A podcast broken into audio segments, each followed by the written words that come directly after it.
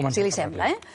Uh, des de Berlín, al costat de Carles Puigdemont, Quim Torra emplaça Mariano Rajoy a trobar-se on i quan vulgui. Entre altres coses que ara hi entrarem. Vostè com valora aquest primer acte d'agenda uh, de Quim Torra a Berlín? No, a veure, jo separaria les dues coses. Ell fa un gest, diríem, de reconeixement a, a Carles Puigdemont, que en fi és una cosa, per dir-ho seva, però jo em vull quedar políticament amb la- amb l'anunci, per dir-ho així, amb la declaració. I a mi em sembla magnífic que la primera diríem, preocupació política, diguem-ho així, del nou president sigui establir un diàleg amb el govern d'Espanya. Jo crec que això és molt bo i faria molt bé a Mariano Rajoy de dir, escolta'm, pues, eh, el dia que tu prenguis possessió, doncs l'endemà. Eh, sembla que les coses aniran per aquí. És a dir, creu que trigarem pocs dies a veure aquesta reunió? A mi o, ens encallarem en un... mm, Qui m'ha de trucar? Qui ha d'escriure aquí? No, per favor, que no tornin a fer això, que ja, ja l'hem vist, aquesta pel·lícula. No, no, jo crec que tots dos s'han emplaçat ja. Lo normal, lògicament, és que primer sigui la presa de possessió o fins i tot la formació de govern, eh, però això ha de, hauria de ser immediat. Més que res perquè el pas del temps ens ha demostrat que les coses tendeixen a enredar-se. I, per tant, si hi ha una possibilitat de, de començar un diàleg, com més aviat, millor. Vostè ha demanat hora també ja per veure's amb Quim Torra? Eh, jo, quan, quan prengui possessió, jo amb això sóc molt tocat i posat, quan prengui possessió serà el primer, com he fet sempre, amb tots els presidents. Per cert, anirà a la presa de possessió? Oh, i tant. Escolti'm, és que... No, vull dir, com, com que estem ara en el debat sobre No, no. com serà aquesta presa de possessió, a, a, a, a totes les preses de possessió que hem revisat en hemeroteca, hi van el, tots els partits de l'art parlamentari. És que és, és com ha de ser. Com, per exemple, en el Parlament, dilluns, un cop elegit, ens van posar drets en senyal de respecte. Jo crec que, com en aquest país, una de les coses que s'ha malmès una mica és el respecte, la recuperació del respecte vol dir, entre altres coses, gestos com aquests, que també són de normalitat institucional. Eh, El president de la Generalitat és una peça institucional especial. No és només cap de govern, és cap d'una institució, i per tant nosaltres volem tractar-lo com a tal advertint que si ell mateix desvirtua el seu paper, doncs això ja seria una altra cosa, però, però volem jutjar sobre fets i no sobre intencions o deixar-nos endur per prejudicis. Ara, ara anirem a, a quin vol ser el paper del PSC en aquesta legislatura, però uh, és aquesta tarda? la- És a dir, vostès els han convidat? Eh, Jo, que jo sàpigui, no tinc cap notícia de que sigui avui.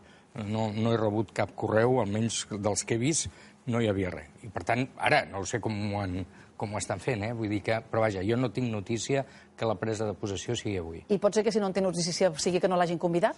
No ho sé, no en tinc ni idea. No? M'estranyaria, perquè aquestes coses... Eh, el protocol, que és una cosa que a vegades critiquem molt, però precisament està fet per evitar errors com aquests. Imagini's vostè el titular. No es convida els partits a la presa de possessió quan s'havia fet sempre. És un mal titular. Per, com l'evites? Seguint el protocol que s'ha establert en altres ocasions. Es fa al Palau de la Generalitat. És un acte que no és excessivament llarg, amb certa solemnitat, que, té, que pot tenir, sempre ha tingut elements de crítica, quina és la fórmula sí. concreta... Eh, Sembla que serà el la mateixa discurs- que la de Carles Puigdemont. en el discurs, quines al·lusions fas o no fas, etc. no? Qui va o no va, però vaja, nosaltres la previsió que tenim és anar-hi. Uh, senyor Iceta, després hauria de venir uh, la formació de govern i, per tant, la presa de possessió d'aquest govern. Quim Torra ahir va manifestar el seu desig de restituir tots els càrrecs eh, que van ser cessats, no només els, els consellers que així ho vulguin, sinó, per exemple, es va parlar també del, del major Trapero. El PSC en això eh, hi posarà algun, algun impediment? No, el PSC creu que és un error posar a llocs de responsabilitat gent que no la pugui exercir. Imaginem-nos, podíem tenir de vicepresident de la Generalitat a l'Oriol Junqueras. Bueno, ell ja ha dit que no, no? però mm. imaginem. És possible això legalment en aquests moments? Sí que ho és. És convenient? No. I jo suposo que per això Oriol Junqueras ha declinat aquesta possibilitat. Per tant, nosaltres no ho faríem. Creiem que és un error. Però eh, això és una decisió del president de la Generalitat. En tot cas, aquesta restitució eh, no justificaria mantenir el 155, el seu criteri? No. Des del meu punt de vista, no, perquè el 155 només és justificable quan es produeixen il·legalitats. I pel que jo sé, que no sóc jurista, eh, les persones que en aquests moments estan a la presó tenen els seus drets, tenen la presumpció d'innocència, poden ser nomenats. El que passa és que després potser no podran anar a les reunions i això ens portarà a altres problemes, no podran compareixer al Parlament a retre comptes de la seva actuació, però nomenats jo crec que no hi ha impediment jurídic. Ara, li dic, jo no ho faria, crec que és un error. Però la llei de presidència contempla aquests comissionats o fins i tot aquestes viceconselleries que en alguna ocasió s'havien fet servir. Sí, sí, sí, hi ha mecanismes de suplència. Això està establert per la llei. Però, clar, nomenar algú que saps que permanentment haurà de, ser, eh, haurà de tenir una suplència, home, jo crec que és un error.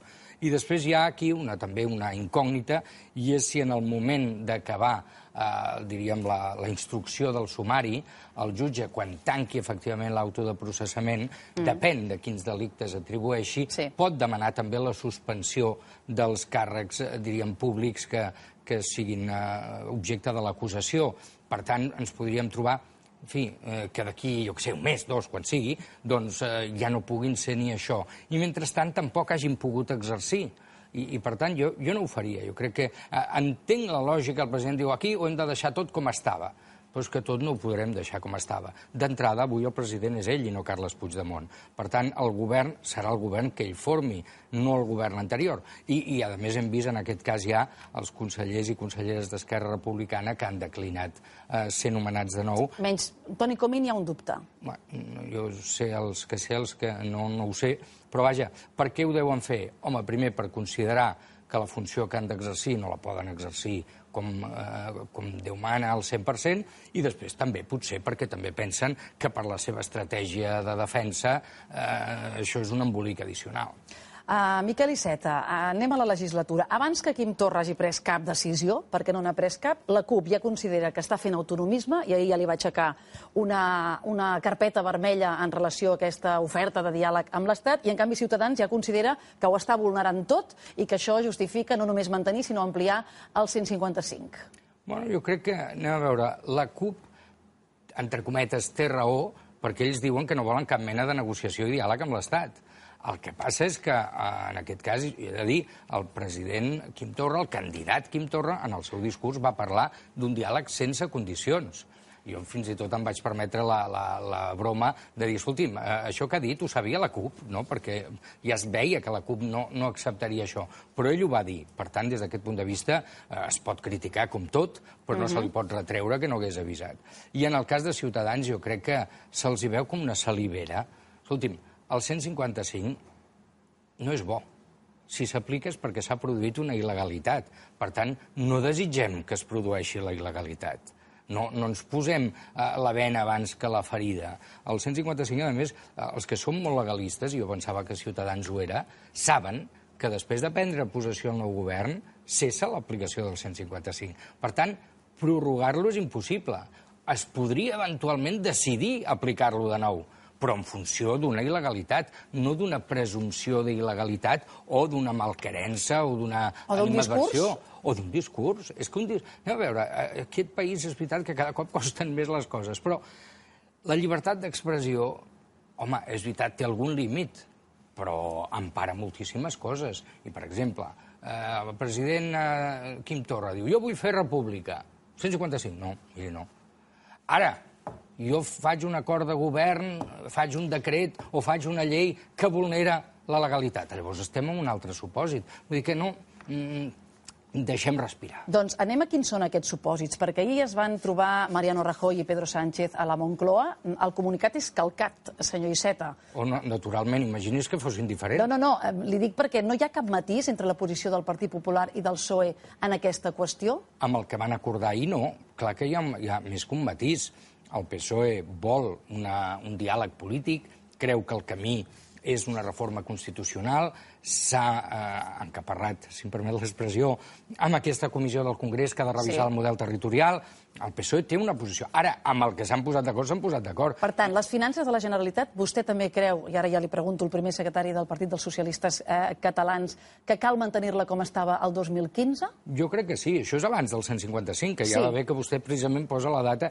Jo crec que fins que no canvien molt les circumstàncies eh, és prudent de fer-ho. I aquí... Això va ser una decisió només per Catalunya, eh? emparada en la, en la llei d'estabilitat pressupostària per un control jo polític. Jo aquesta no, eh? la, no la tocaria. Jo no per la tocaria. No? Entre altres coses perquè encara no sabem si el president de la Generalitat s'ajustarà a la legalitat. I, per tant, eh, jo en aquest cas entenc que és prudent dir, escolta'm, mm, com això ja ho vam decidir abans i anava fent, ho mantenim i ja veurem. No, no, no em sembla... El que sí que em va semblar una mica imprudent, des del punt de vista dels interessos de Catalunya i de la Generalitat, és que el president de la Generalitat no volgués dir que s'ajustaria a la legalitat perquè això és el que, entre altres coses, justifica la continuïtat de mesures com aquestes. Si el president de la Generalitat hagués dit, escolti'm, no pateixin. Jo aquesta legalitat no m'agrada, la vull canviar, crec que és nefasta, però mentre sigui la legalitat vigent jo la compliré. El govern d'Espanya no tindria cap motiu per mantenir mesures de control que no, que no se justifiquen.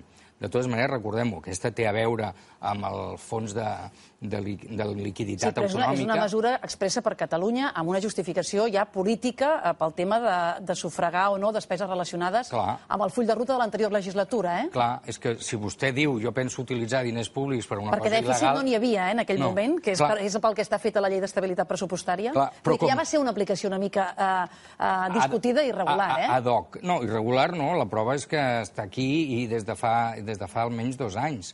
Eh, si tu dius, jo penso fer coses il·legals, et pots trobar que algú et digui, bueno, quan les facis eh, ja et castigaré, però mentrestant et vigilaré. I això és el que li ha passat. Jo crec que hagués estat molt millor fer una espècie de reset, però això implicaria que el president de la Generalitat digués una cosa que no ha dit, que és que es pensa ajustar a la legalitat. I, per tant, el govern d'Espanya, aviam, se l'ha acusat per molts d'anar molt tard.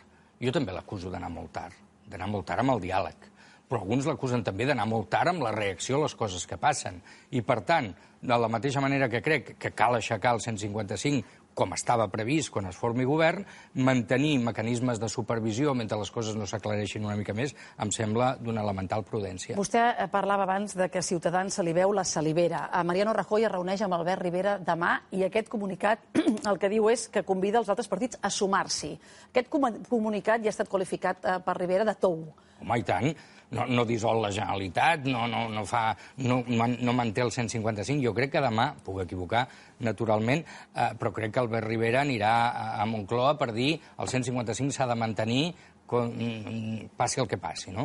I jo crec Inés que es Arrimadas trobarà- pensa el mateix? Vostè que... Això li hauríeu de preguntar amb ella, Sí. però suposo que sí, però, mm, però no ho sé, li hauríeu de preguntar amb ella. Eh, jo crec que la posició de Ciutadans és la que és. El que passa és que jo crec que això és el que ha motivat, entre altres coses, la reunió d'ahir i és el que ha motivat el comunicat que, que em va sorgir perquè jo crec que el govern d'Espanya vol apuntalar una posició política que és de legalitat i, per tant, d'aixecament del 155 i intentar eixamplar un consens polític però que no impossibiliti un diàleg. I em fa l'efecte que la posició de Ciutadans més aviat el que pretén és impossibilitar el diàleg. Vull dir que no, no se sosté, perquè ells que volen aparèixer tan legalistes, com dius tu que s'ha de mantenir el 155 si no s'han produït actes il·legals? Un cop es produïssin, podries demanar-ho, i efectivament caldrà discutir i veure què es fa, no? Però mm, preventivament tu no pots aixecar l'autonomia, tu no pots intervenir les institucions Què, d'autogovern. què seria un acte il·legal? Perquè ara em temo que entrarem en el debat d'analitzar amb lupa eh, què justifica mantenir o renovar el 155 o tornar-lo a passar per Consell de Ministres i Senat, que crec que és el procediment que hauria sí. de ser, o què no. Perquè en aquest comunicat, senyor Iceta deia, per exemple, que eh, Pedro Sánchez i Mariano Rajoy havien coincidit en rebutjar qualsevol intent de posar en marxa estructures polítiques diferents a les úniques vàlides, que són aquelles contemplades en la Constitució i l'Estatut d'Autonomia de Catalunya.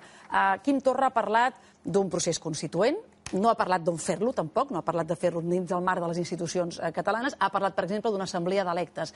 Aquestes, eh, aquest, aquestes iniciatives polítiques serien susceptibles de renovar un 155? Des del meu punt de vista, depèn de com es fagin. Si jo dic, perquè, escolti'm, assemblea d'electes no n'hi havia una. Que jo m'he perdut ja una mica, però jo crec que se'n va fer una, i tenien fins i tot una web. És a dir, si tu, unes, eh, uns, eh, uns electes, volen associar-se, eh, pel que sigui, això no és il·legal. El que sí que seria il·legal és si això se li dona un rang institucional en el sistema de la Generalitat. Això sí, uh -huh. però si uns electes es volen eh, associar, si algú vol El organitzar... Consell de la República, l'Espai Lliure d'Europa, és una institució... Si, si és una institució, per dir-ho així, privada, sufragada amb fons privats, i les seves decisions no vinculen les institucions de la Generalitat, a mi, que, a mi com si volen, amb, amb respecte, eh? com si volen muntar la colombòfila. Vull dir que eh, hi ha eh, coses que es poden fer, altres que no es poden fer, i algunes que poden ser discutibles, però mm, que els independentistes volen muntar els seus instruments de coordinació política, tenen tot el dret. El que no tenen dret és a que aquestes institucions o aquests organismes o aquestes entitats substitueixin o suplantin les institucions de la Generalitat. Això jo crec que és el punt, per dir-ho així, filipino. Eh, que ells vulguin tenir les seves estructures de coordinació o satisfer d'alguna manera un reconeixement que consideren imprescindible de Carles Puigdemont, això és el seu tema. El problema és quan digui no, és que el que decideix el Consell de la República és com si ho decideix el govern de Catalunya. Miri, això no. Per exemple, això vostè no ho pot fer. Per exemple, que no, no ho ha dit Quim Torra, eh, però aquest procés constituent estava contemplat dins la llei de transitorietat jurídica i fundacional de la República. I, i abans, abans es va fer, eh, recordi, en el Parlament una comissió d'estudi sí. sobre el procés constituent. Escolti, en el qual... aquesta comissió d'estudi ha portat gent a davant de la justícia, eh? Oh, clar, Sí, sí, sí. És que, vaja, alguns ja vam avisar... Una comissió d'estudi, eh? Bueno, no, la comissió no, les conclusions. És que eren unes conclusions de traca i mocador. Vaja, jo és que vaig... Eh, nosaltres, que no vam participar a la comissió, mm. però sí vam participar en el debat quan es va portar les conclusions de la comissió en el Parlament, i eren d'Aurora Boreal entre altres, de, eh, trencaven absolutament el meu criteri eh, la democràcia, la separació de poders i, i la lògica de però les coses, les comissions, no? les conclusions d'una comissió d'estudi. Sí, però es volien aprovar per un ple del Parlament. És que aquí, eh, com a vegades, si és jocs florals, és un altre capítol. Si un vol fer conferències, papers, eh, resolucions... Per tant, el tema és Ara, el, el que passi és pel Parlament? El que passi pel Parlament o el que sigui una resolució de govern. Això són les resolucions, diríem, que vinculen i que estan subjectes al control legal. Les altres, a mi sí, eh, escolti'm, eh, hi ha partits que diuen volem la independència i estan en el seu dret. Això algú podria dir, no és legal. Bueno, no és legal. És legal voler la independència.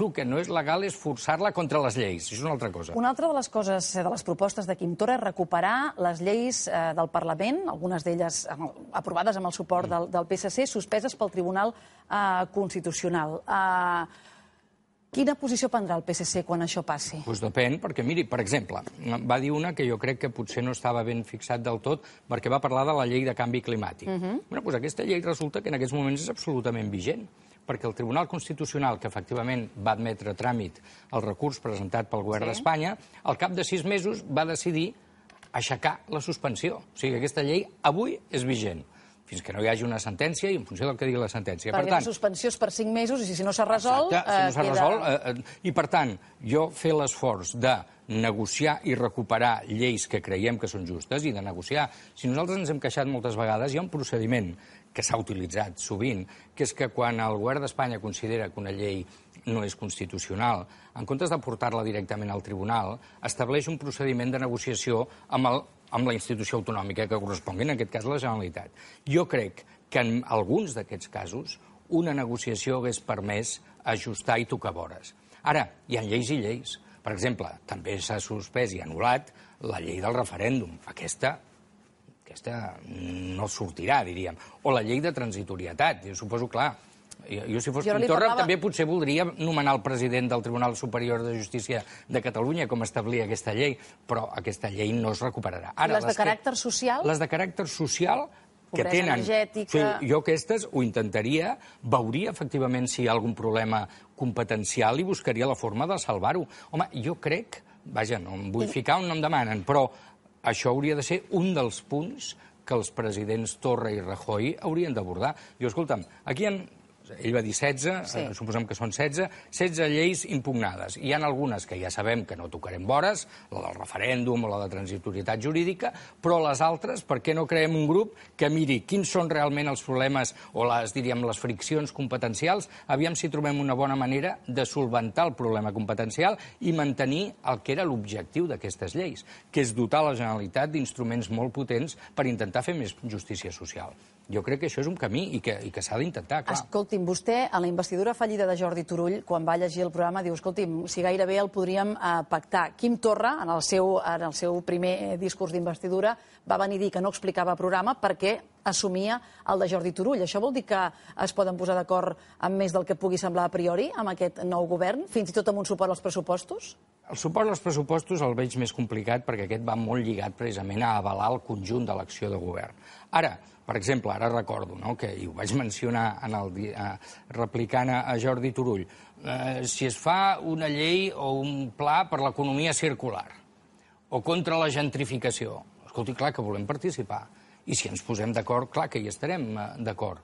Per tant, amb, amb moltes polítiques de tipus sectorial, si és el millor, per exemple, eh, el president Torra, en el seu discurs com a candidat, que no va dir masses coses concretes, però una que el primer dia em refereixo sobretot, va parlar del pacte per la indústria. Uh -huh. Escolti, a favor, però si l'hem subscrit.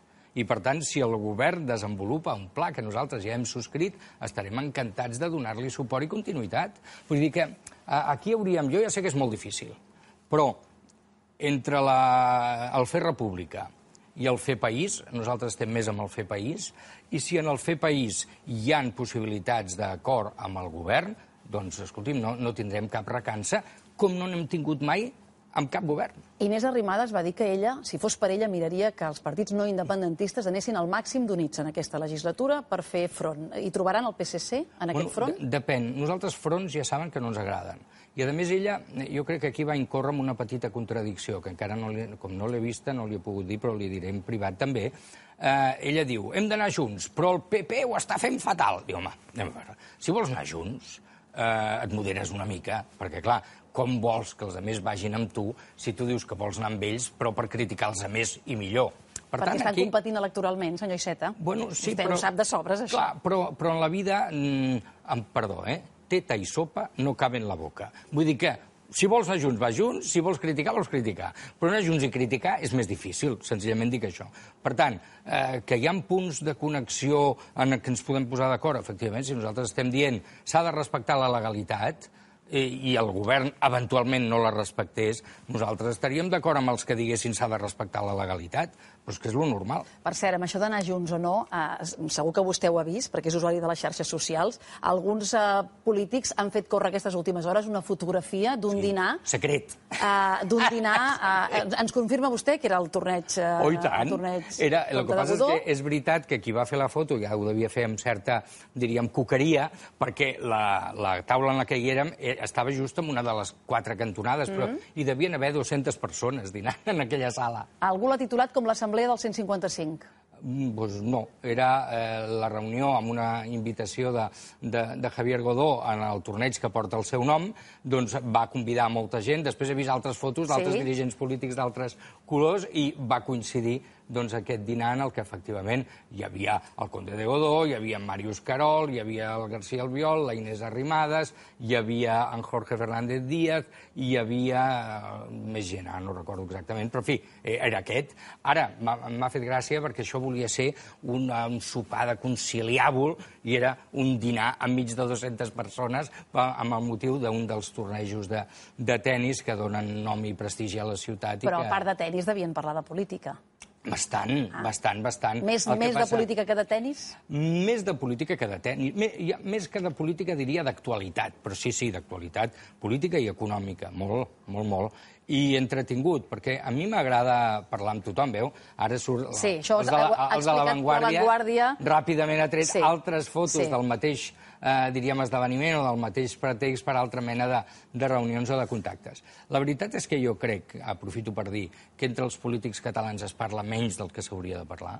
També passa a la política espanyola, i no cal dir, entre responsables catalans i, i, i espanyols. No? I, per tant, jo crec que eh, hem de parlar molt més. Hem de parlar en públic, però hem de parlar també en privat i discretament per arreglar algunes coses, sí. Ah. I hem de participar de, del trofeig Godó també, quan convé. Senyor Iceta, uh, tots els articles, els tuits, el contingut del pensament escrit de Quim Torra, que va ser molt present en el primer debat d'investidura, uh, creu que el perseguirà els mesos o els anys que duri aquesta legislatura?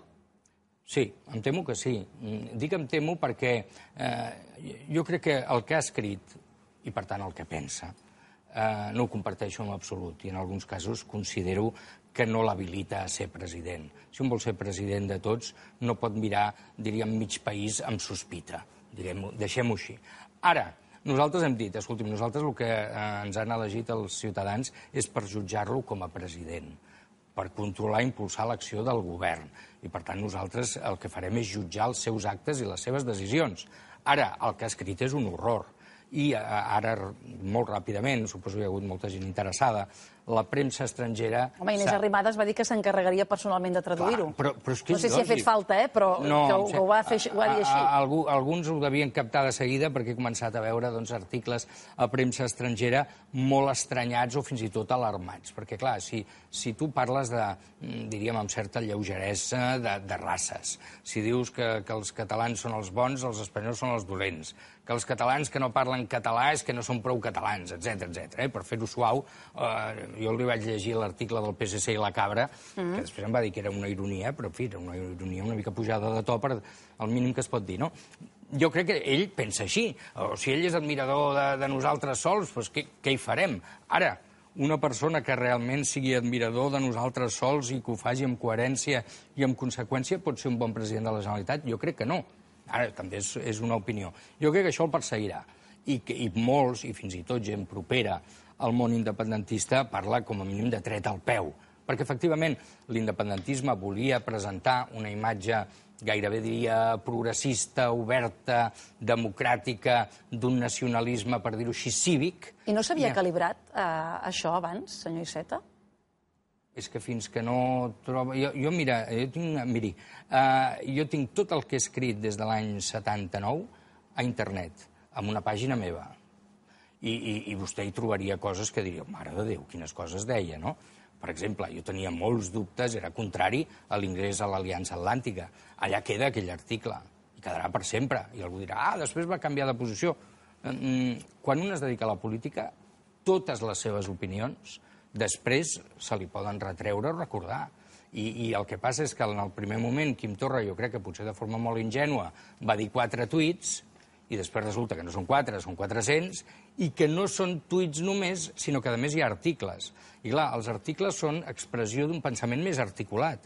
Un tuit a vegades el fas en calent, estàs empipat, eh, canvies una paraula per una altra, com quan l'altre dia va parlar de crisi humanitària. Escolti, es va equivocar, diguem-ho clar.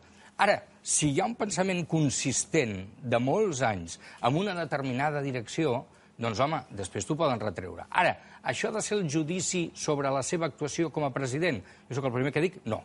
El judici sobre l'actuació com a president només es pot establir a partir de decisions i actuacions fetes com a president. I acabem. En la seva intervenció vostè li va demanar una reflexió sobre l'espai públic i la convivència. I li va dir directament no crec que sigui una bona idea posar un llaç groc a la façana de la Generalitat, que és un dels primers eh, gestos simbòlics eh, que ell eh, va anunciar. Mm, pot posar algun exemple eh, més, senyor Iceta, de, del per què no és bo eh, que el llaç groc... Se l'està jugant, eh? Per què? Perquè per què no porta vostè un llaç groc? Jo? Vostè és conductora d'un sí. programa de la televisió pública. Sí. Vostè té tot el dret de tenir totes les idees eh, que vulgui. Però vostè mateixa, jo estic convençut, que pensa quan estic fent la meva feina de conductora de l'espai de màxima audiència de la televisió pública, no puc lluir qüestions que són de la meva mm, llibertat, de la meva opinió, perquè no vull condicionar els meus espectadors. Eh, potser no, eh? Potser no ho ha fet per això i ho ha fet per una altra cosa i em, posen, em, em demanen. Però jo crec que aquesta cultura de dir hi ha coses que li diem espai públic, que són de tots i per tant ningú té dret a colonitzar, jo, per exemple, posava un altre exemple. Jo, jo moltes vegades porto el pin del meu partit. Ara porto molt més la senyera, però mm, depèn uh -huh. de com vaig vestit, porto el pin del PSC. Si jo fos mestre, jo no donaria classe als nanos amb el pin del partit. Per respecte a totes les idees perquè no vull que eh, pensin el mestre, que té normalment una autoritat especial sobre els nanos, sobretot quan, quan no són encara majors d'edat, quan tenen 12, tenen 10 anys, no vull que pensin que el que jo porto és el bo i el que no, no. I, per tant, eh, és una reflexió que jo ja sé que pot ser fins i tot molt dolorosa, perquè hi ha molta gent que amb tota legitimitat vol mostrar la seva solidaritat amb persones que estan a la presó. I tenen dret a fer-ho. I, per tant, aquesta distinció entre el que en podríem dir llibertat d'expressió individual i neutralitat de les institucions o de l'espai públic no sempre és fàcil de delimitar. Jo per això li deia, escolti'm, jo vull fer la reflexió, no per acabar-la, sinó per posar-la sobre la taula i perquè vostè també hi reflexioni. I li vaig posar un exemple més extrem encara. Imagini's vostè un tribunal d'oposició i veu que tots els que estan al tribunal d'oposició porten el llaç groc. Vostè com farà la prova oral? Portarà el llaç o no?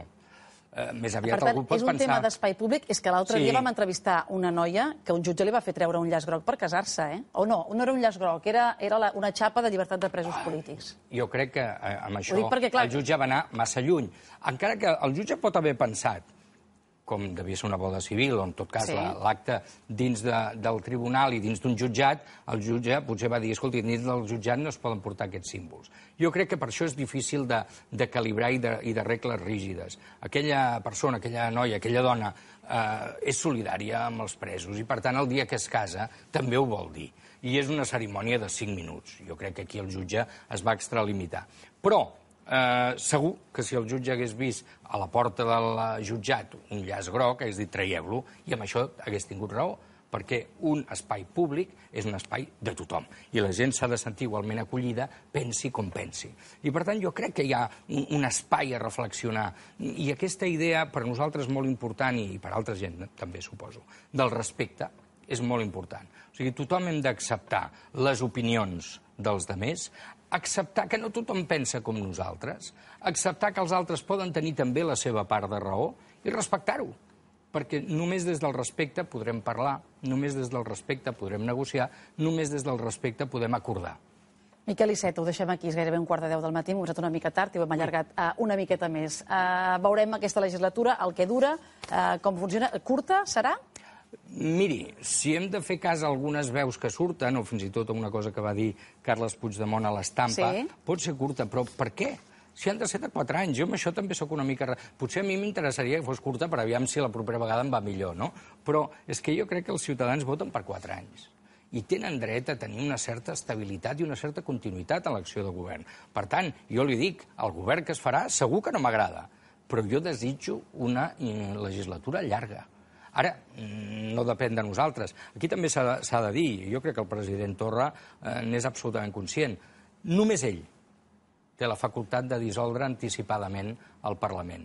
Jo espero que si mai arriba a prendre aquesta decisió, la prengui ell i no li prenguin.